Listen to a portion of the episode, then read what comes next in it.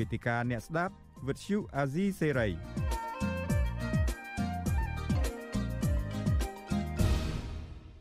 បាទខ្ញុំបាទជួនច័ន្ទបុតស៊ូមជម្រាបសួរលោកនៅនាងកញ្ញាជាថ្មីម្ដងទៀតនេតិវេទិកាអ្នកស្ដាប់វិទ្យុអាស៊ីសេរីនេះឱកាសនេះមានវាគ្មិនកិត្តិយសពីររូបដែលមកចូលរួមគឺទី1គឺលោកជំទាវមូសុខហួរដែលជាអនុប្រធានគណៈបកសង្គ្រោះជាតិទី2គឺ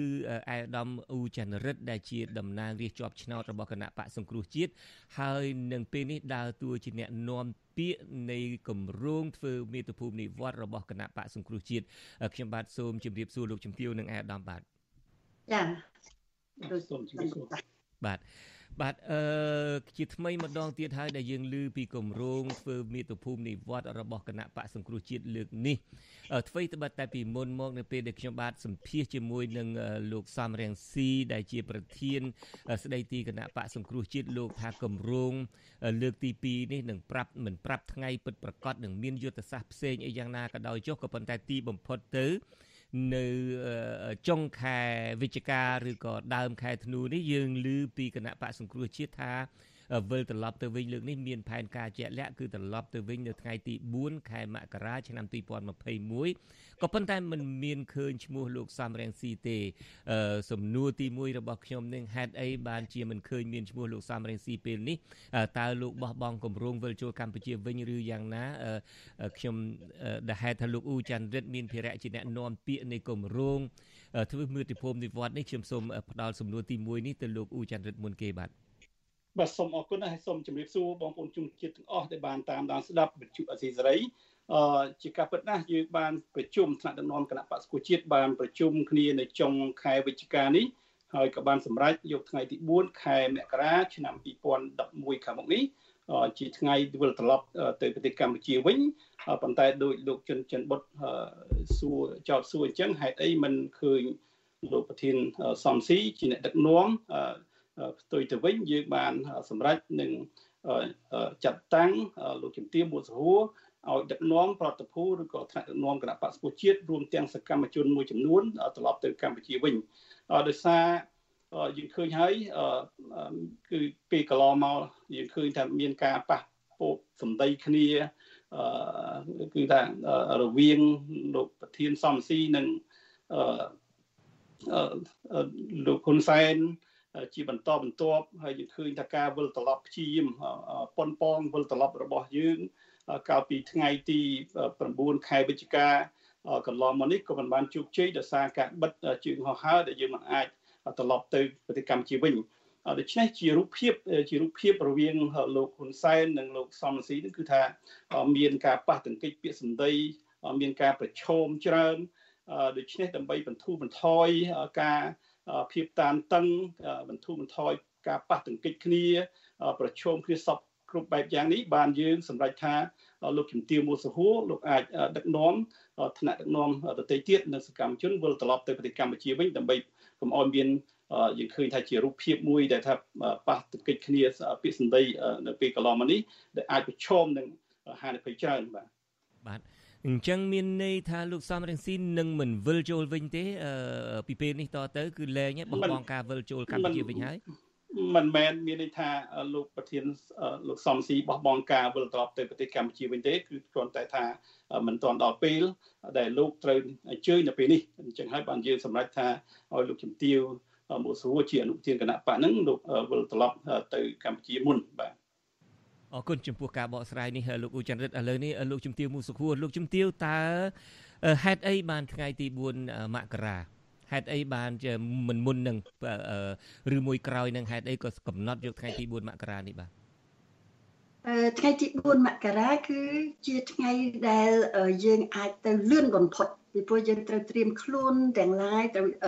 ទាំងសបុតកប៉ាល់ហោះលក្ខនឹងលក្ខហើយមិន មិនជាការសំខាន់ទេថ្ងៃទី4ថ្ងៃទី5មករាអីមិនសំខាន់ទេសំខាន់គឺថាយើងខ្ញុំមានឆន្ទៈបង្ហាញឆន្ទៈថាយើងគោរពច្បាប់នៅក្នុងនេះគឺអីគឺយើងមានដីកាពីតុលាការហើយមានរហូតទៅដល់មានសាវនាការយើងកាត់សេចក្តីរឿងយើងខ្ញុំទៅទៀតអញ្ចឹងរឿងទី1ណាយើងបង្ហាញយើងមានឆន្ទៈយើងគោរពអឺតុលាការច្បាប់ ណាទី2យើងប្រើសិទ្ធិរបស់យើងខ្ញុំនៅក្នុងការទៅអឺដោះដោះបន្ទុកពីព្រោះមានការចោទប្រកាន់លើយើងខ្ញុំហើយចោទប្រកាន់ធ្ងន់ធ្ងរណាចាហើយនឹងទី3បង្ហាញថាយើងត្រូវមានសិទ្ធិនៅក្នុងការតែឲ្យយើងបង្ហាញថាយើងអត់មានទោសអីទាំងអស់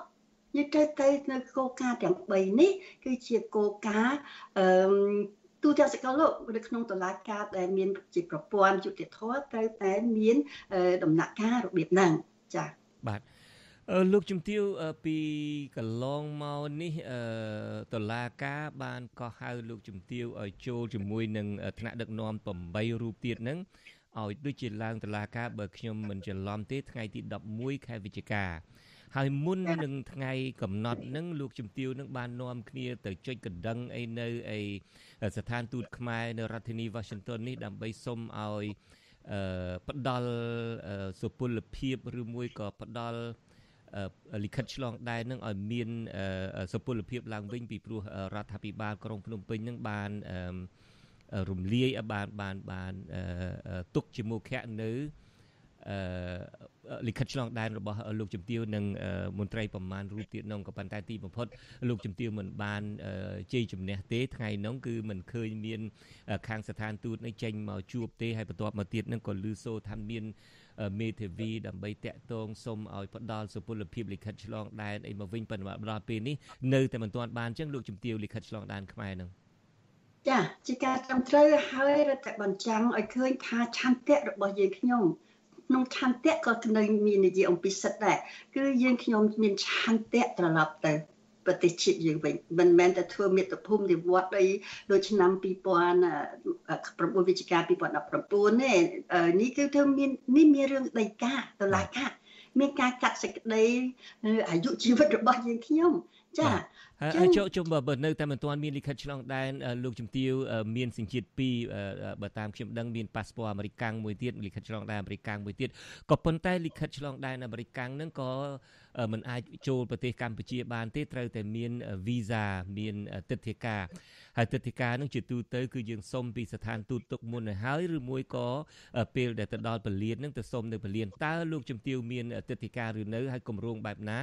សុំទុកមុនឬមួយក៏ទៅដល់ពលានយន្តហោះតែម្ដងបានសុំវីសាចូលស្រុក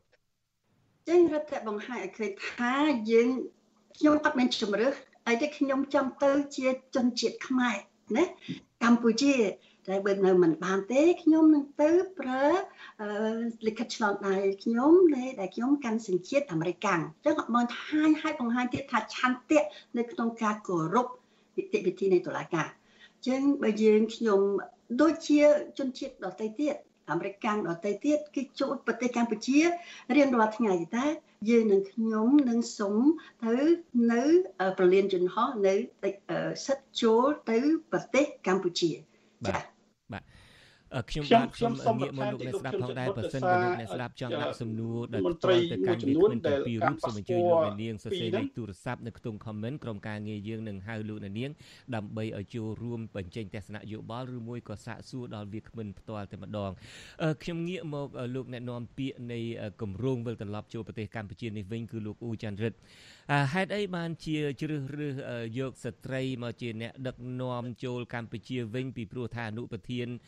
មានដល់ទៅពីររូបមានលោកជំទាវមូសុខួរផងមានលោកអេងឆៃអៀងផងហេតុអីមិនមែនលោកអេងឆៃអៀងបាទបើខ្ញុំសូមបញ្ជាក់តកតងនឹងលិខិតឆ្លងដែននិងវីសាចូលប្រទេសកម្ពុជាបន្តិចដោយសារប៉ាសពតមួយចំនួន ដែលកាន់ប៉ាសពតបរទេសមែនប៉ុន្តែយើងជាសញ្ជាតិខ្មែរយើងមានវីសាអចិន្ត្រៃយ៍ ដែលយើងអាចចូលប្រទេសកម្ពុជាពេលណាក៏បានដែរនឹងសូមបញ្ជាក់បន្តិចដែរអញ្ចឹងចំពោះអ្នកខ្លះដែលធ្លាប់ចូលកាន់កាន់លិខិតឆ្លងដែនអាមេរិកកាំងហើយមានវីសាម្ដងហើយគឺវីសានឹងអចិន្ត្រៃយ៍ជាទូរហូតតែម្ដងមិនចាំបាច់សុំទៀតទេបាទបាទបាទហើយមួយទៀតតកតនឹងសុំជំរាបជូនដែលថាហេតុអីមិនមិនមែនអេដាមអេងជាអៀងទៅជាជំទាវមួយស្រួតតែជាអ្នកដឹកនាំព្រោះតាមឋានានុក្រមនៃគណៈបកមែនលោកជំទាវដែលមានវ័យចំណាស់ជាង នៅក្នុងហ្នឹងគឺមានអត្ថភាពជាងហើយទី2គឺក៏ចង់បានស្ត្រីដោយសារមើលទៅមិនមែនជារូបភាពដែលប្រឈមគ្នាច្រើនអញ្ចឹងហើយយើងយល់ថាជាការកាត់បន្ថយនៅភាពតានតឹងហើយយើងជឿថាលោកជំទាវមានភាពទន់ភ្លន់ជាង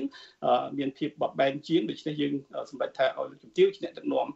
ត្រឡប់ទៅលោកជំទាវប្រកាសជាទន់ភ្លន់ជាងឯងខ្ញុំខ្ញុំខ្ញុំជឿថាស្ត្រីយ៉ាងហោចណាស់ក៏មានការ flexible មានការបត់បែនច្រើនហើយអាចយោគយល់ច្រើនជាងបាទប្រកាសជាអញ្ចឹងមែនទេលោកជំទាវចាប្រកាសជាអញ្ចឹងបើសិនខ្ញុំជាស្ត្រីខ្មែរហើយក្នុងការបត់បែននេះគ្រប់ពេលវេលាទាំងអស់ហើយខ្ញុំធ្វើខ្ញុំនៅប្រទេសកម្ពុជាត្រឡប់ទៅវិញជួយបំរើជាតិបំរើពលរដ្ឋមានឆន្ទៈទាំងគ្រប់បែបយ៉ាងទាំងអស់រហូតទៅដល់បានជាប់ឆ្នោតប្រមាណអាណត្តិ អាណត្តិជាតំណាងរាដូច្នេះបើយើងខ្ញុំខ្ញុំអត់មានការភាពទន់ភ្លន់ខ្ញុំភាពបាត់បាត់បាក់បែនទេនោះក៏ខ្ញុំមិនជឿថាពលរដ្ឋខ្មែរទទួលខ្ញុំជាស្ត្រីអាមេរិកាំងនេះដូច្នេះខ្ញុំជាស្ត្រីខ្មែរមានសញ្ជាតិពីរមែនហើយសញ្ជាតិនេះគឺថាគឺទៅបំរើជាតិ ចាហើយទៅមុខតុលាការហើយយ៉ាងហោចណាស់ឲ្យខ្ញុំយើងខ្ញុំមិនមែនតែខ្ញុំម្នាក់ទេសំទោសណាអ្នកដែលមានសញ្ជាតិពីរទាំងឡាយដែលឲ្យមេដីកាគឺទៅជាមួយយើងខ្ញុំចាហើយខ្ញុំសូមអ្នកដែលរួមដំណើរជាមួយលោកជំទាវមកទល់ពេលនេះចានៅពេលនេះឯកឧត្តមលងពតាចាជាតំណាងរាជនៅបាត់ដំបងកាន់សញ្ជាតិបារាំង ហើយឯកឧត្តមនុតរំដួលសញ្ជាតិអាមេរិកដូចខ្ញុំដែរនិងឯកឧត្តមមែនសថាបិនសញ្ជាតិបារាំងដែរចា៎រហូតដល់ឲ្យមកដល់ពេលនេះចា៎ក្រៅតែពីមន្ត្រីជាន់ខ្ពស់ឬមួយក៏តំណាងរាជជាប់ឆ្នោតនេះមានសកម្មជនអីដទៃទៀតទេលោកអ៊ូចន្ទរិតរួមដំណើរទៅនេះយើងនឹងបង្ហាញជូនឈ្មោះនៅពេលដែលពួកគាត់ត្រូវឡើងយន្តហោះហើយពេលនេះយើងឃើញសមាជិកនៅណាខ្លះដែលត្រូវចូលរួម ក្រៅពីលោកជំទាវមូសហួរក៏មានថ្នាក់ដឹកនាំជាន់ខ្ពស់ដទៃទៀតនឹងត្រឡប់ត្រឡប់ទៅវិញរួមទាំងសកម្មជននិងអ្នកគាំទ្រគណៈបក្សប្រជាជាតិមួយចំនួនដែលលោកស្ម័គ្រចិត្តទៅប្រទេសកម្ពុជាវិញប៉ុន្តែនៅពេលនោះនៅថ្ងៃទី4យើងនឹងឃើញទាំងអស់គ្នាថាអ្នកណានឹងត្រូវឡើងកប៉ាល់ហោះទៅត្រឡប់ទៅប្រទេសកម្ពុជាវិញបាទបាទលោកជំទាវមានប្រសាសន៍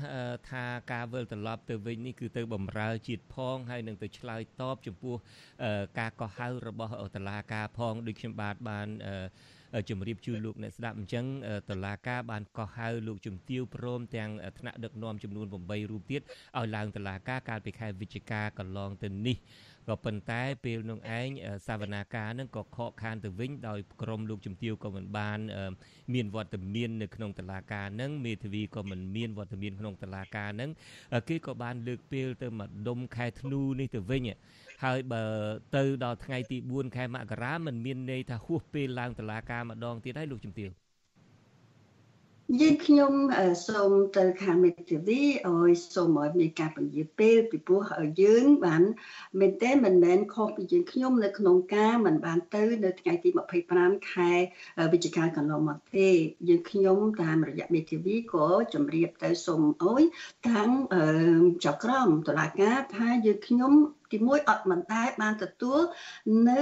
ដីកានៅដៃទេហើយបើសិនជាទៅតាមនីតិវិធីច្បាប់គឺជនជាប់ចោតគេចោតហ្នឹងត្រូវមានដីកានឹងដៃឲ្យឃើញនឹងដៃហ្នឹងមិនមែនតែឃើញនៅទីធ្លាសាធារណៈឯណាហើយយើងខ្ញុំបាទបាត់បែនសម្រួលទៀតអញ្ចឹងយើងខ្ញុំសូមឲ្យផ្ញើមកឲ្យយើងខ្ញុំនៅអាសយដ្ឋានយើងខ្ញុំនៅសប្តាហ៍ថ្ងៃហ្នឹងសូមមេត្តាពន្យាកុំអាលធ្វើសាវនាការ ចាហើយនៅតែបន្តធ្វើសាវនាការទៀតហើយយើងខ្ញុំសូមបញ្ជាក់ឲ្យបញ្ជាក់ទៀតថាយ៉ាងហោចណាស់ឲ្យមានការគោរពគោលការណ៍នៃនីតិវិធីច្បាប់នៅក្នុងការធ្វើសាវនាការជំជាប់ចោតនោះ ត្រូវតែមានវត្តមានហើយគេមានឆន្ទៈអត់មានន័យថាយើងខ្ញុំបោះបង់ចោលនៅសិទ្ធិរបស់យើងខ្ញុំនៅក្នុងការពៀខ្លួនទៅបដោះបន្ទុកនៅក្នុងការចោទឯណាអត់មានទាល់តែសោះចាអញ្ចឹងហើយបើយើងសង្ឃឹមថានឹងមានការអឺបញ្ជាពេលទៅទៀតដើម្បីឲ្យយើងខ្ញុំបានចូលរួមនៅក្នុងការការពារសិទ្ធិយើងខ្ញុំទៅចាត់ប្រកាន់យើងខ្ញុំយើងខ្ញុំត្រូវមានឱកាស ត្រឹមត្រូវដែលមានចែងនៅរដ្ឋធម្មនុញ្ញយើងខ្ញុំគ្រាន់តែនៅក្នុងការចោទទេមិនទាន់មានន័យថាយើងខ្ញុំមានទោសទេដូច្នេះយើងខ្ញុំជាមនុស្សដែលទោះបីមានទោសអីក៏ដោយក៏ត្រូវតែ មានឱកាសមានសិទ្ធិគ្រប់គ្រាន់នៅក្នុងការទៅឆ្លើយដោះបន្ទុកសិនចាបាទលោកជំទាវ ឧបមាថាបើសិនជាទីបំផុតទៅតុលាការមិនលើកពេលម្ដងទៀតទេរហូតដល់ម្ដុំខែមករាអីដើម្បីឲ្យលោកជំទាវបានឡើងទៅឆ្លើយទេក៏ប៉ុន្តែ នៅតែរក្សាទុកថាឧទាហរណ៍ថាថ្ងៃ15ខែធ្នូអីចឹងទៅចុះដើម្បីឲ្យឡើងសវនាការលើកទី2ក៏ប៉ុន្តែពេលនោះលោកជំទាវមិនអាចទៅបានទៀតហើយក៏ចេញដីកាដើម្បីឲ្យចាប់ខ្លួនដោយពីបទថាមិនបាន ទៅបង្ហាញខ្លួននៅតុលាការអីចេញឲ្យចាប់ខ្លួនអីជាដើមដូចជាលោកជំទាវប្រហែលជាបានឮសេចក្តីរាយការណ៍របស់លោកទីនសាការីយ៉ាអំបញ្ញមិញនេះហើយខាងរដ្ឋាភិបាលមកជាពិសេសលោកអ្នកនាំពាក្យគណៈបកប្រជាជនកម្ពុជាថាតើទៅចាប់ហើយ បើសិនជាមានការប្រកាសថាបើទៅប្រកាសជាចាប់មែនលោកជំទាវនៅតែទៅដែរទេខ្ញុំយើងខ្ញុំច្បាស់ណាស់នៅក្នុងការបើទៅចាប់ហើយមិនមែនតែអៃរំសុអេសានទេណាមួយគាត់មិនមែនជាតុលាការគាត់មិនមែនគាត់ជាអ្នកនាំពាក្យទេសំទោសចំពោះយើងខ្ញុំយើងខ្ញុំនៅចំពោះមុខច្បាប់ បើច្បាប់ថាត្រូវចាប់ត្រូវចងត្រូវដាក់ពន្ធនាគារកាត់ទោសថាមូសុខួរអ្នកណាដទៃទៀតត្រូវជាប់ពន្ធនាគារ20 30 40ឆ្នាំឬអស់មួយជីវិតយកទៅចោះគឺប៉ុន្តែឲ្យចាប់អញ្ចឹងឲ្យតែបើកផ្លូវឲ្យចូល គឺថាបើចាប់ក៏ចាប់ចុះចាប់យកទៅចោះចាយើងខ្ញុំគោរព នៅនីតិវិធីនៃតុលាការការកាត់សេចក្តីរបៀបណាមានយុត្តិធម៌ឬមិនមានយុត្តិធម៌ទុកជូនប្រជារាស្ត្រទុកជូនពលរដ្ឋអ្នកកាត់សេចក្តីឲ្យយើងខ្ញុំតែអ្វីដែលត្រូវតែធ្វើយ៉ាងហោចនៅឲ្យយើងខ្ញុំបានទៅគឺឲ្យយើងខ្ញុំបានទៅប្រជុំមុខនៅមុខតុលាការយ៉ាងហោចលោកជំទាវខ្ញុំឥឡូវនេះមានអ្នកហៅចូលមកម្នាក់យើងបានភ្ជាប់អ្នកហៅចូលម្នាក់ពីខេត្តបាត់ដំបងគឺលោកគីហៀងលោកគីហៀងសូមអញ្ជើញចូលរួមជាមួយយើងបាទ បាទសូមជំរាបសួរលោកជុនច័ន្ទបាទហើយលោកជំទាវមូសុភាក៏ដូចជាអាយដាមជាបាទប្រភេទគ្មានមួយរូបទៀតខ្ញុំមានគំរូពីរដែលពាក់ព័ន្ធទៅនឹងការធ្វើមាតុភូមិវិវត្តលើកទី2របស់មន្ត្រីគណៈបកសង្គ្រោះជាតិនិងអ្នកស្នេហារដ្ឋាភិបាលធិបតេយ្យហ្នឹងខ្ញុំចង់ជំរាបសួរថាវាហាក់បីដូចជារឿងចៃដន្យមួយដែលខាងគណៈបកប្រជាជនប្រជុំនៅថ្ងៃទី25 ហើយក្រោយមកខាងគណៈបកសង្គ្រោះជាតិគឺរៀបចំប្រជុំថ្ងៃទី27 28ហើយនឹងដាក់ផែនការចូលថ្ងៃទី4ខែមករា2021អញ្ចឹងសំណួររបស់ខ្ញុំខ្ញុំចង់សួរថាសូមជំរាបសួរលោកជំទាវថាតើការរៀបចំផែនការរបស់គណៈបកសង្គ្រោះជាតិហ្នឹងវាមានការជាប់ពាក់ព័ន្ធនឹងការឲ្យដៃពីខាងគណៈបកប្រជាជនដែរទេដើម្បីឆ្លចាយវិធីដោះស្រាយវិបត្តិនយោបាយនៅស្រុកខ្មែរនេះជាសំណួរទី1ហើយសំណួរទី2ខ្ញុំចង់ជំរាបសួរលោកជំទាវថា តើគណៈបកសង្គ្រោះជាតិមានយុទ្ធសាស្ត្រឬមានគោលការណ៍អ្វីខ្លះក្នុងការជួយសកម្មជនដទៃទៀតដែលមិនមានប៉ាសពតមិនមានសញ្ជាតិពីរដើម្បីឲ្យរួមដំណើរក្នុងពេលតែមួយចូលមេត្តាភូមិកម្ពុជាបាទសូមអរគុណបាទអរគុណលោកគីហៀងមានការឲ្យដៃពីគណៈបកប្រជាជនកម្ពុជាទេលោកជំទាវអត់ទាល់តែសោះយើងទៅឆ្លើយនៅមុខតឡាការពីព្រោះយើងខ្ញុំមានដីកា ចានឹងអត់មានការចរចាអត់មានសារសម្រួលសម្រួលសម្រួលអីពីក្រោយវាំងននអត់មានវាំងននអត់មានឆាកអីទេសំណួរទី2របស់គាត់ថាតើធ្វើយ៉ាងណាដើម្បីឲ្យអ្នកដែលអត់មានសញ្ជាតិ2នឹងអាចរួមដំណើរទៅបានយើងខ្ញុំគឺឈរទៅលើហើយអ្នកដទៃទៀតក៏មាន មានសិទ្ធមានឆន្ទៈដូចយើងខ្ញុំ ដែរអញ្ចឹងយើងតុលាការដែលមានយុត្តិធម៌ត្រូវតែគោរពនៅនីតិវិធីនៃគោលការណ៍នៃការកាត់សេចក្តីឲ្យមានយុត្តិធម៌គឺជនជាប់ចោតត្រូវមានវត្តមាននៅក្នុងបន្ទប់នៅការកាត់សេចក្តីពេលដែលកាត់សេចក្តីនោះដូច្នេះហើយបានជាយើងខ្ញុំយល់ឃើញថាម្យ៉ាងទៀតនៅក្នុងការបង្រួបបង្រួមជាតិចាតុលាការតុលាការហើយប៉ុន្តែនៅមានមួយទៀតមិនមែនតែយើងខ្ញុំម្នាក់4នាក់5 នាក់ទេ មានរាប់រយនាក់ដែលមានដីកាដែលនៅហើយនៅជាប់បានភៀសខ្លួនមិនមែនជាជំរើសរបស់យើងខ្ញុំទេ អ្នកទាំងនោះទេ ចាមានបកលៈទេសៈឥឡូវយើងត្រូវត្រឡប់មកវិញហើយជាឱកាសធំណាស់នៅក្នុងការនិយាយអំពីខ្មែរតែមួយខ្មែរជួយចែកគ្នាណាហើយនឹងបង្រួបបង្រួមហើយសម្ដេចនាយកលោកហ៊ុនសែនបានមានប្រសាសន៍ហើយអត់មានបង្រួបបង្រួមទេ ត្រូវជាប់ទោសសិនហើយរឿងរឿងតុលាការចឹងរឿងតុលាការទុកឲ្យតុលាការធ្វើទៅតាមគោលការណ៍ច្បាប់យើងខ្ញុំអ្នកណាក៏ដោយរាប់រយអ្នកចាត្រូវតែមានសិទ្ធមានឱកាសពេញលេញនៅក្នុងការមកបញ្ឈមមុខនៅតុលាការពីព្រោះយើងខ្ញុំមានដីកាបាទ បាទលោកជំទាវឧបមាថាទីបំផុតទៅលោកជំទាវអាចវិលចូលប្រទេសកម្ពុជាបានដោយប្រើប៉ាសពតអាមេរិកកាំងដោយមានដេកាដែលទៅឆ្លើយតបទៅនឹងការកោះហៅពីសំណាក់តុលាការ ទៅដល់ប្រទេសកម្ពុជាហើយបើតាមគណៈបកបើតាមលោកអ្នកនាំពាក្យមិញលោកអ៊ូចន្ទរិទ្ធរៀបរាប់មិញថាការដែលគណៈកម្មការអីរំពុកដឹកនាំនៃគណៈបកសង្គ្រោះជាតិសម្រាប់អឺអឺថាអ្នកស្រីនឹងវិលត្រឡប់ទៅវិញហ្នឹងគឺគិតថាអ្នកស្រីនឹងទុនភ្លួនជាង ហើយមិនសូវប្រឈមមុខជាងតើអ្នកស្រីធ្វើបែបណាទៅនៅទៅប្រទេសកម្ពុជាដើម្បីឲ្យមានភាពទុនភ្លុនដើម្បីជៀសវាងការប្រឈមមុខនោះពេលទៅដល់មានគម្រោងផែនការបែបណាខ្លះ ខ្ញុំនឹងទៅគោរពប្រជាពលរដ្ឋជាម្ចាស់ទឹកម្ចាស់ដីខ្ញុំបានបម្រើជាតិយើងខ្ញុំមិនតែតែខ្ញុំទេយើងខ្ញុំបានបម្រើជាតិអស់ប៉ុណ្្នឹងហើយអាយុ67ឆ្នាំហើយត្រឡប់ទៅមាតុភូមិដឹងខ្លួនថាតុលាការជាតុលាការរបៀបណាសុខចិត្តទៅទៅទាំងអស់គ្នាទៅដើម្បីជាតិយើងចា ហើយចាប់បើចាប់មួយសុខួរចាប់អ្នកដទៃទៀតដាក់ពន្ធនាគារអស់មួយជីវិតតើជាតិរស់ទេតើបានបានដំណោះស្រាយអីហើយយើងខ្ញុំទៅដោយដៃទទេមានតែដីកានឹងចេះកាន់ទៅយកទៅទៅដោយសន្តិវិធីអហិង្សាតែទៅទេសតចាប់ចាក់ចោះឲ្យទៅជាតិរស់បំរើជាតិជានិច្ច ហើយទុកជូនពលរដ្ឋសូមមេត្តាទុកជូនឲ្យពលរដ្ឋមានជាឆន្ទៈពលរដ្ឋចាស់កាត់សេចក្តីយើងខ្ញុំកាត់ចោះប៉ុន្តែសូមឲ្យជាតិរស់ចាស់អោយកុំឲ្យមានការឈឺចាប់បន្តទៅទៀតប្រព័ន្ធតុលាការធ្វើឲ្យពលរដ្ឋយើងឈឺចាប់ណាស់ធ្វើឲ្យបែកបាក់គ្រួសារខ្លាំងណាស់កុមារក្តីអត់មានការសិក្សាទេរត់ពីពីខេត្តមួយពីភូមិមួយពីព្រៃមួយទៅព្រៃមួយมันមានការ អស់ចិត្តនៅក្នុងជីវិតនិងអនាគតនៃកុមារយើងកុំឲ្យគេចាត់ប្រកាន់ថាយើងខ្ញុំជាអ្នកនយោបាយចេះតែអូសបន្លាយនៅការជិះចាប់បរដ្ឋអត់តតែសោះ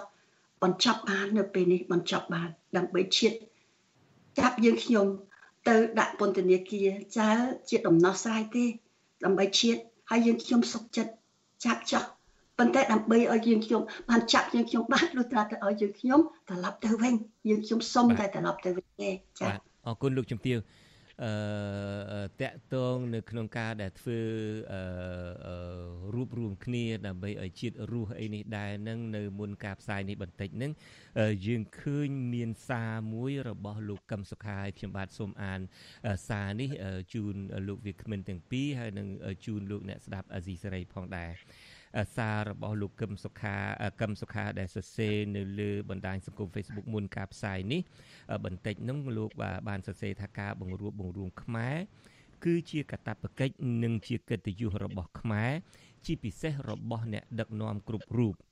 លោកបន្តថាការកម្ចាត់គ្នានាំឲ្យបាត់បង់ពេលវេលានិងធនធាន ដើម្បីបំរើ ការពារនិងកសាងមាតុភូមិកម្ពុជា ដើម្បីខ្មែរទាំងអស់គ្នា លោកកឹមសុខាបញ្ជាក់ថាបើយើងមិនលើកទឹកចិត្តឲ្យមានការរើសអើងសងសឹកគ្នានោះទេ ខ្មែរអាចរស់ដោយឯករាជ្យភាព ដោយសុខដុមរមនា និងដោយវត្តវឌ្ឍនភាពសម្រាប់ខ្មែរដូចគ្នាគ្រប់រូប។ ការលើកឡើងរបស់លោកកឹមសុខានៅថ្ងៃទី1ខែធ្នូនេះនៅស្របពេលដែលមេដឹកនាំគណៈបកសង្គ្រោះជាតិដែលនិរទេសខ្លួន បានប្រកាសពីផែនការវិលចូលស្រុកខ្មែរវិញនៅដើមខែមករាឆ្នាំ2021ខាងមុខនេះលោកកឹមសុខាសរសេរថាក្នុងកលៈទេសៈនេះ លោកយល់ថាលោកមិនមានសិទ្ធិសេរីភាពពេញលេញចង់ធ្វើអ្វី ចង់និយាយអ្វីដើម្បីជាប្រយោជន៍ឲ្យបានច្រើនសម្រាប់មាតុភូមិកម្ពុជា សង្គមខ្មែរ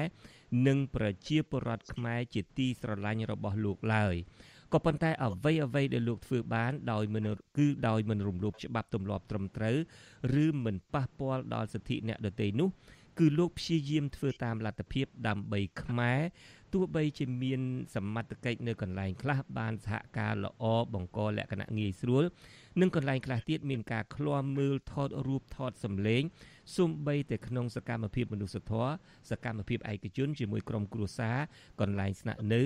និងពេលទៅចំការផ្ទាល់របស់លោកក៏ដោយ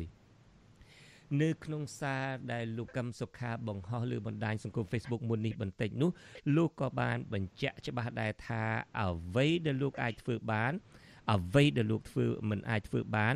ទោះបីជាមានអ្នកខ្លះប្រឹងរុញច្រានលោកឲ្យចូលក្នុងអន្ទាក់គេក៏ដោយក៏លោកនៅតែរក្សាជំហរអហិង្សា មិនយកខ្មែរណាជាសត្រូវមិនបង្កចំនួនមិនបង្កគ្រោះថ្នាក់ដល់អ្នកដទៃនិងប្រទេសជាតិខ្លួនឡើយលោកកឹមសុខាអះអាងថាលោកបានកំណត់ហើយ ថាប្រជាពលរដ្ឋខ្មែរជាជនរួមជាតិជាជនរួមឈាម ជាបងប្អូនរបស់លោក ហើយប្រទេសកម្ពុជាជាមាតុភូមិ ជាទឹកដីកំណើតដែលជាកន្លែងដែលលោកកើតរស់និងស្លាប់ដែលលោកមិនអាចបោះបង់និងមិនគ្រប់គ្រងអ្នកណាដែលបង្ករងគ្រោះថ្នាក់ដល់ប្រជាពលរដ្ឋខ្មែរនិងមាតុភូមិកម្ពុជាឡើយទោះបីលោកស្ថិតក្នុងស្ថានភាពណាក៏ដោយចុះ។ លោកកឹមសុខាបានរៀបរាប់ពីសកម្មភាពរបស់លោកនៅក្នុងស្រុកថាក្នុងរយៈពេលប្រមាណ3ខែចុងក្រោយនេះលោកអាចធ្វើដំណើរទៅតាមមូលដ្ឋានខ្លះដើម្បីចូលរួមក្នុងពិធីទំនៀមទម្លាប់ប្រពៃណីសាសនាខ្មែរបានចូលរួមក្នុងសកម្មភាពមនុស្សធម៌និងបានស្វែងយល់ពីជីវភាពរស់នៅរបស់បងប្អូនជនរួមជាតិផ្ទាល់គឺកាន់តែធ្វើឲ្យលោកអាណិតស្រឡាញ់និងដឹងគុណបំផុតចំពោះមាតុភូមិកម្ពុជា និងបងប្អូនជនរួមជាតិខ្មែរមិនអាចបោះបង់បានឡើយលោកកឹមសុខាសង្កត់ធ្ងន់ថាទោះបីជាដីយើងមានភូមិសាស្ត្រនិងធនធានធម្មជាតិអំណោយផលល្អណាស់ឲ្យតែគ្រប់គ្រងបានត្រឹមត្រូវមិនបំផ្លិចបំផ្លាញរីឯប្រជាពលរដ្ឋភាគច្រើនជាទូទៅ នៅតែមានទឹកចិត្តល្អគួរឲ្យគោរពស្រឡាញ់ណាស់ តុលាការរបបលោកហ៊ុនសែនបានដកសិទ្ធិលោកកឹមសុខាមិនឲ្យធ្វើនយោបាយជាង3ឆ្នាំមកហើយគិតចាប់តាំងពីថ្ងៃដែលសមត្ថកិច្ចចាប់ខ្លួនលោក កាលពីខែកញ្ញាឆ្នាំ2017ដោយចោទប្រកាន់ថាខុបខិតជាមួយសហរដ្ឋអាមេរិកចង់ផ្ដួលរំលំរដ្ឋាភិបាលមកទល់នឹងពេលនេះតុលាការនៅមិនទាន់យកសំណុំរឿងលោកកឹមសុខាទៅជំនុំជម្រះជាថ្មីទៀតឡើយទោះបីជាក្រុមមេធាវីរបស់លោកបានស្នើសុំពន្លឿនយ៉ាងណាក្តីដោយតុលាការលើកហេតុផលថាមកពីជំងឺ Covid-19 9មិនអាចជួបជុំគ្នាបានច្រើន។ បាទនេះគឺជាសាររបស់លោកកឹមសុខាដែលបង្ហោះនៅលើបណ្ដាញសង្គម Facebook មុនការផ្សាយនេះបន្តិចហើយអ្វីដែលខ្ញុំបាទចាប់អារម្មណ៍ខ្លាំងនោះលោកបានលើកថាអឺលោកនឹងមិនយកខ្មែរណាជាសត្រូវនេះគឺជាភាសារបស់លោកដែលយើងថ្លែងធ្លាប់តែឮម្ដងហើយម្ដងទៀតក៏ប៉ុន្តែទន្ទឹមនឹងនោះថ្ងៃនេះលោកបានបញ្ជាក់ច្បាស់ណាស់អ្វីត្បិតតែមិនយកខ្មែរណាជាសត្រូវក៏ដោយចុះលោកបញ្ជាក់ថាលោកមិនគ្រប់គ្រងអ្នកណាដែលបង្ករងគ្រោះថ្នាក់ដល់ប្រជាពលរដ្ឋខ្មែរនិងមាតុភូមិកម្ពុជាឡើយទោះបីជាស្ថិតក្នុងស្ថានភាពណាក៏ដោយចុះតើសាររបស់លោកកឹមសុខានេះសូមបើកវងកញ្ចក់បន្តិចលោកជំទាវមានប្រតិកម្មបែបណាដែរចំពោះសារលោកកឹមសុខានេះបាទជាសារនៃអ្នកដឹកនាំដែលមានសិលធម៌មានគុណធម៌ជាសារអ្នកស្នេហាជាតិហើយយើងខ្ញុំជានិច្ចជាការគោរព លោកកឹមសុខាជាប្រធានរបស់យើងខ្ញុំជាប្រធាននៃគណៈបកសង្គ្រោះជាតិដែលមានពលរដ្ឋជាងពាក់កណ្ដាលនគរបានជ្រើសរើសឲ្យលោកប្រធាន ជាប្រធាននៃគណៈបកសង្គ្រោះជាតិជានិច្ចកាលហើយយើងខ្ញុំជាពិសេសខ្ញុំបានរៀនសូត្រច្រើនណាស់អំពីលោកប្រធានកឹមសុខាជាពិសេសធម៌អហិង្សាបាស់ណាស់ ដោយសន្តិវិធីច្បាស់ណាស់ពាក្យសម្ដីអាកប្បកិរិយាលោកប្រធានកឹមសុខាបង្ហាញថាលោកមានប្រសាសន៍ចេញពីឆន្ទៈពីអារម្មណ៍ពីប្រលឹងអ្នកស្នេហាជាតិដូច្នេះយើងខ្ញុំគ្មានដែលមានបំណងអីទាត់តែសោះនៅក្នុងការបំផ្លិចបំផ្លាញជាតិឲ្យមានអំពើហិង្សាយើងខ្ញុំមានអីតែពឹងបង្កើតឲ្យមានអំពើហិង្សាអត់មានទាត់តែសោះ ហើយនៅក្នុងការដែលអាណិតអាសូរពលរដ្ឋទឹកដីស្រែចំការដីធ្លីដែលមានជីជាតិទាំងឡាយយើងខ្ញុំបានដើរនៅតាមគ្រប់ភូមិទាំងអស់នៅប្រទេសកម្ពុជាទម្រាំតែបានអឺពលរដ្ឋបោះឆ្នោតឲ្យយើងខ្ញុំយើងខ្ញុំបានស្គាល់ទាំងអស់នៅការជិះចាប់នៅក្នុងទេសភាពដ៏ខៀវខ្ចី នៃអឺស្រែចម្ការចាវាស្រែវាស្រែ100នៃជាតិយើងជាឃើញគឺអស់ហើយដូច្នេះយើងខ្ញុំត្រឡប់ទៅវិញដើម្បីជាតិដើម្បីអោយសូមអោយជាពិសេសកូនខ្មែរយើងស្ត្រីខ្មែរយើងបានរួបរวมគ្នានៅក្នុងគ្រួសារមិនមែនតែខ្ញុំទេបែកបាក់គ្រួសារអ្នកដតីរាប់រយអ្នករាប់ពាន់អ្នកទៅបែកបាក់គ្រួសារដែរ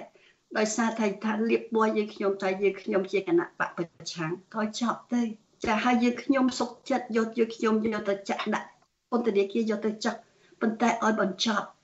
ឲ្យឲ្យខ្មែរបានរួបរวมគ្នាជជែកគ្នាបាទបាទលោកជំទាវឥឡូវនេះខ្ញុំមានអ្នកហៅចូលម្នាក់ទៀតគាត់ជាពលករខ្មែរធ្វើការនៅប្រទេសថៃលោកសំណាងសូមអញ្ជើញចូលរួមជាមួយយើងបាទ បាទបាទបាទសូមគោរពអឺលោកពូជិតបុតសូមគោរពលោកជំទាវមួយសំខាន់សូមគោរពលោកពូពូច័ន្ទនិតបាទខ្ញុំមានចំនួនពីរដែលចង់ទៅសួរវាគ្មិនទាំងពីរបាទខ្ញុំមានចំនួនទី1តើបងប្អូនជនភៀសខ្លួននយោបាយនៅប្រទេសថៃពួកគាត់ចូលទៅក្នុងប្រទេសកម្ពុជាដោយរបៀបណាដោយសារខ្ញុំដឹងព័ត៌មានច្បាស់ថាគាត់មិនមានប៉ាសពតឬក៏ យ៉ាងណាទេហើយការឆ្លងដែននេះគឺនៅប្រទេសថៃនេះគឺគេបាត់ហើយតើមានមធ្យោបាយណាដើម្បីឲ្យពួកគាត់ទៅចូលរួមជាមួយនឹងលោកជំទាវដែរបាទសំណួរទី1សំណួរទី2ក្នុងនាមខ្ញុំជាពលរដ្ឋម្នាក់ខ្ញុំចង់សួរថាប្រសិនបើករណីអាច ចរចាបានតើលោកជំទាវធ្វើការចរចាទេក្នុងនាមជាខ្មែរតែមួយនៅក្នុងកលៈទេសៈបច្ចុប្បន្នថាអាចទៅរួចទេបាទបាទអរគុណអញ្ចឹងខ្ញុំសូមអញ្ជើញលោកអ៊ូចន្ទរិតឆ្លើយសំណួរទី1ហើយលោកជំទាវមូសុខួរឆ្លើយសំណួរទី2សូមអញ្ជើញលោកអ៊ូចន្ទរិតបាទបាទសូមអរគុណណាស់តាមពិតទៅបងប្អូនមួយចំនួនដែលភៀសខ្លួនមកប្រទេសថៃនិងប្រទេសផ្សេងផ្សេងទៀត នៅជិតប្រទេសកម្ពុជាហ្នឹងប៉ាសពតរបស់ពួកគាត់លិខិតឆ្លងដែនក៏ត្រូវមុខភាពដែរហើយខ្ញុំជឿជាក់ថាពួកគាត់រកជួបាយត្រឡប់ទៅវិញបានព្រោះឬក៏ទៅដើម្បីឲ្យទៅដល់ព្រំដែនទៅគាត់ជាសញ្ជាតិខ្មែរគាត់ជនជាតិខ្មែរទោះបីយ៉ាងណាក៏គេត្រូវឲ្យគាត់ត្រឡប់ទៅប្រទេសកម្ពុជាវិញដែរសំខាន់អ្នកដែលនៅខាងប្រទេសឆ្ងាយទេដែលពិបាកនឹងធ្វើដំណើរព្រោះវាត្រូវការឆ្លងកាត់តាម ច្រើនដំណាក់កាលប៉ុន្តែទោះបីយ៉ាងនឹងក្តីក៏ថ្នាក់ដឹកនាំទាំងអស់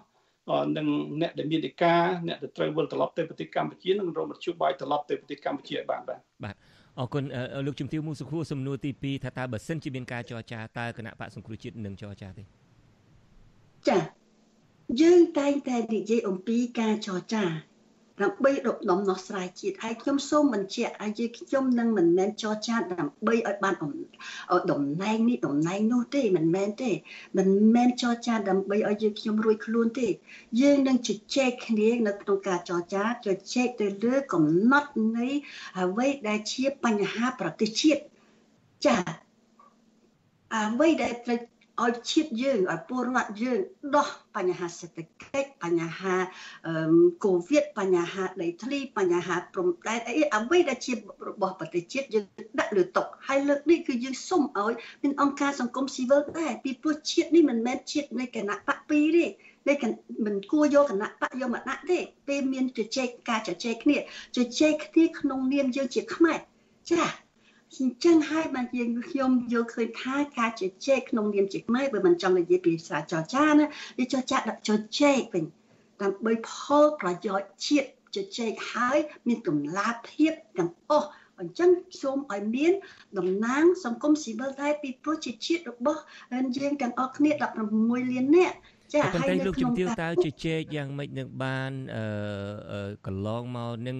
លោកជំទាវព្រមទាំង សកម្មជនអ្នកខ្លះជាសកម្មជនអ្នកខ្លះជាមន្ត្រីជាន់ខ្ពស់របស់គណៈបកសង្គ្រោះជាតិជាង100នាក់នឹងត្រូវ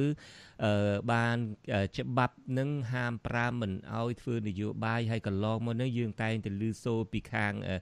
គណៈបកប្រជាជនកម្ពុជាមកវិញនឹងគឺអូសទាញដើម្បីសុំឲ្យដាក់ពាក្យសុំសុពលភាពឡើងវិញអីអញ្ចឹងទៅហើយបើបានសុពលភាពឡើងវិញហើយនឹងក៏មិនអនុញ្ញាតឲ្យសង្គ្រោះជាតិនឹង ពៀនដំណើរការឡើងវិញទេអឺយើងឮកន្លងមកហ្នឹងថាសូមឲ្យសង្គ្រោះជាតិនឹងបង្កើតគណៈបកអីមួយថ្មីទៀតទៅដើម្បីអឺប្រមូលអ្នកនយោបាយដដែលនឹងមកប៉ុន្តែក្រោមឈ្មោះគណៈបកអីទៀតទៅពីព្រោះថាគណៈបកសង្គ្រោះជាតិនឹងបានរំលាយចោលហើយតើអាចនឹងមានលទ្ធភាពដើម្បីបង្កើតគណៈបកអីថ្មីណាមួយទៀតទេដោយប្រមូលយកអ្នកចាស់ដដែលនឹងមកគ្រាន់តែដូចឈ្មោះលោកជំទាវដើម្បីបើកឲ្យមានការចរចាទៅជែកគ្នាបាននោះ អញ្ចឹងហើយបានយើងខ្ញុំបានដាក់ហើយដូចភាសាលោកប្រធានកម្មសុខាដែររឿងជាតិជាធំរឿងគណៈបកដល់មួយអត់ហើយយកឲ្យមាននិយាយឲ្យទៅនិយាយរឿងគណៈបកទេរឿងរឿងជាតិធ្វើយ៉ាងម៉េចឲ្យជាតិបានរស់ហ៎ធ្វើយ៉ាងម៉េចឲ្យពលរដ្ឋលោកអញ្ចឹងមានន័យថាធ្វើយ៉ាងណាក៏ដោយឲ្យទៅជាតិបានរស់នឹងមានន័យថានឹងបង្កើតគណៈបកថ្មីដោយមិនមានឈ្មោះគណៈបកសង្គ្រោះជាតិនឹងទេទេខ្ញុំអត់បាននិយាយអញ្ចឹងទេខ្ញុំបានខ្ញុំគ្រាន់តែសួរទេបាទចា ខ្ញុំសូមចាប់ផ្ដើមពីផលប្រយោជន៍ជាតិឥឡូវឆន្ទៈពលរដ្ឋលោកលោកចង់ដោះអីលោកចង់ដោះរឿងស្រែចម្ការលោកចង់ដោះរឿងកូវីដលោកចង់ដោះរឿងសេដ្ឋកិច្ចលោកចង់ដោះរឿងការងារដូចជាពលករចំណាក់ស្រុករាប់លានអ្នកស្មានតែគាត់ហេតុអីគាត់នៅគាត់ចង់ចង់ចំណាក់ស្រុកឬអត់គាត់ចង់ត្រឡប់មកវិញដូច្នេះយើងដាក់លើតុរឿងហ្នឹងចា យើងអត់គុំអញ្ចឹងហើយបានយើងខ្ញុំអត់មានខ្ញុំមិនមែនទៅនៅក្នុងនាមយើងជា អ្នកនយោបាយបើយើងនិយាយនៅក្នុងរឿងអ្នកនយោបាយអានោះមួយនយោបាយអ្នកនយោបាយមួយមួយនេះទាញទាញផលប្រយោជន៍ទៅខាងនេះខាងនោះហ่ะជាងយកផលប្រយោជន៍ខ្មែរជារួមប្រសាសន៍លោកប្រធានកម្មសកាគ្រប់គ្រាន់នឹងយើងឆែកស្ដាប់បានហើយនេះជួយស៊ីសងលើឆន្ទៈនៃអ្នកតំណាងដែលជាពលរដ្ឋ គោរពមិនមែនពលរដ្ឋគោរពតែលោកប្រធានកម្មសុខាឬអ្នកនេះអ្នកដូចយកអត់មានជាងទេគឺពលរដ្ឋគោរពអ្នកណាអុយពលរដ្ឋលោកមានឱកាសមានឆន្ទៈនៅក្នុងការមានឱកាសនៅក្នុងការបង្ហាញឆន្ទៈពលរដ្ឋផងយកពលរដ្ឋជាធំបាទចាបាទលោកជំទាវសំណួររបស់ខ្ញុំយើងដល់ពេលទៅហើយសំណួរចុងក្រោយរបស់ខ្ញុំនេះបើសិនជាមានការអនុញ្ញាតឲ្យលោកជំទាវបានចូលប្រទេសកម្ពុជាវិញលើកនេះ តើគ្រាន់តែចូលទៅ ដើម្បីឡើងទៅលើឡើងឆ្លើយតបនឹងតឡាការអឺឬមួយក៏ចុះជួបប្រជាពលរដ្ឋអីហើយបើសិនជាលោកជំទាវនឹងប្រើភាសាអីណាដែល ខាងរដ្ឋាភិបាលនឹងគិតថាជា ការបង្កឲ្យមានភាពវឹកវរក្នុងសង្គមអសន្តិសុខសង្គមអីហើយនឹងចេញដីកានឹងចាប់ខ្លួនម្ដងទៀតតើលោកជំទាវនឹងវិច្ចប្រវិច្ចចេញពីប្រទេសកម្ពុជាដើម្បីឲ្យខ្លួនមានសេរីភាពលើកទី2ទៀតទេលើកចុងក្រោយទៀតទេឬមួយក៏លើកនេះបានចូលទៅហើយនៅរួមរស់ជាមួយនឹងប្រជាពលរដ្ឋខ្មែរនៅក្នុងស្រុកលោកចិនវុតព្រមទាំងពលរដ្ឋជនរួមជាតិ ធាតស្វាមីខ្ញុំ នៅប្រទេសកម្ពុជាធាតខ្ញុំមិនតែភ្លេចទេអស់រយៈពេលក្នុង3ឆ្នាំនេះអត់ធូបរៀងរាល់ថ្ងៃនេះចង់ត្រឡប់ទៅវិញស្លាប់នៅប្រទេសកម្ពុជាទេមាតុភូមិយើងហើយស្វាមីខ្ញុំបងប្អូនជ្រាបហើយជាជនជាតិអាមេរិកទេបើធៀបគាត់ជនជាតិអាមេរិកនៅទឹកដីខ្មែរហេតុអីខ្ញុំត្រូវការអីវិច្ចបំវិច្ចរដ្ឋ ចេញពីមាតុភូមិយើងហើយខ្ញុំសូមបញ្ជាក់ណាពាក្យវិច្ចបំវិច្ចពាក្យរត់ចោលស្រុកពាក្យនេះគឺជាពាក្យដែលចាក់បេះដូងយើងខ្ញុំខ្លាំងណាស់តែយើងខ្ញុំទ្រាំទ្រាំខ្លាំងណាស់ក្នុងរយៈពេល3ឆ្នាំនេះហើយយើងខ្ញុំអត់ចង់គិតរឿងយើងខ្ញុំទេតើពលរដ្ឋដែលដតៃទៀតតែភៀសខ្លួនគេក៏មានការបាត់បង់ដែរហើយគេឲ្យថាឲ្យយើងខ្ញុំចង់វិច្ចមកវិច្ចទេអញ្ចឹងយើងត្រូវកុំឲ្យពលរដ្ឋវិច្ចមកវិច្ច រត់ចេញពីស្រុកទៀតឲ្យមានសន្តិភាពជជែកគ្នាពិតប្រកបដើម្បីផលប្រយោជន៍ការអភិវឌ្ឍឲ្យមានយុត្តិធម៌ឲ្យមានភាពខ្សឹមសាន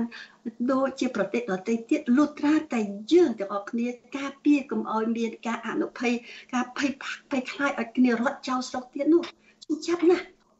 ចាហើយខ្ញុំសូមបញ្ជាក់បាត់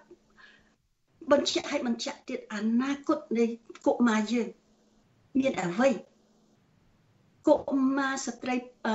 ថ្ងៃសុខតើគ្នាមានអនាគតត្រង់ណាពលរដ្ឋរាប់លានអ្នករងចាំនៅថ្ងៃមួយណាមួយដែលលោកអាចបានចូលរួមដោយអត់មានការផិតភ័យការផិតភ័យជាការពិតនៅមូលដ្ឋានមានការធ្វើឲ្យពលរដ្ឋផិតភ័យអារម្មណ៍ អរគុណលោកជំទាវពេលវេលាក៏ចប់ត្រឹមនឹងហើយសម្រាប់ការផ្សាយរបស់យើងក៏ប៉ុន្តែយើងនឹងបន្តទៅជែកគ្នាអំពីគម្រោងផែនការមេត្តាភូមិនិវត្តនេះនៅក្នុងកម្មវិធីផ្សាយរបស់យើងនៅថ្ងៃសុក្រទៀតហើយនៅពេលនោះខ្ញុំនឹងអញ្ជើញលោកសំរងស៊ីដែលជាប្រធានស្ដីទីគណៈបកសង្គ្រោះជាតិមកឆ្លើយសំណួរវិញម្ដងអំពីផែនការលើកនេះហេតុអ្វីបានជាលោកនៅមិនទាន់ទៅហើយតើលោកនឹងវិលទៅប្រទេសកម្ពុជាវិញពេលណាហើយតើគម្រោងលើកនេះនឹងទៅធ្វើអ្វីដែរបើសិនជាលោកទៅតាមក្រោយនោះជាដើមសូមអញ្ជើញលោកនាងរងចាំទស្សនាបទសម្ភាសខ្ញុំបាទជាមួយនឹងលោកសំរៀងស៊ីនៅថ្ងៃសុក្រប្រហែលថ្ងៃខាងមុខទៀតនេះបាទដូច្នេះសម្រាប់ពេលនេះខ្ញុំសូមអរគុណលោកអ្នកស្ដាប់អរគុណលោកជំទាវនិងអាដាមអ៊ូចន្ទរិតដែលចូលរួមក្នុងកម្មវិធីអាស៊ីសេរីនេះឱកាសនេះបាទសូមជម្រាបលាបាទ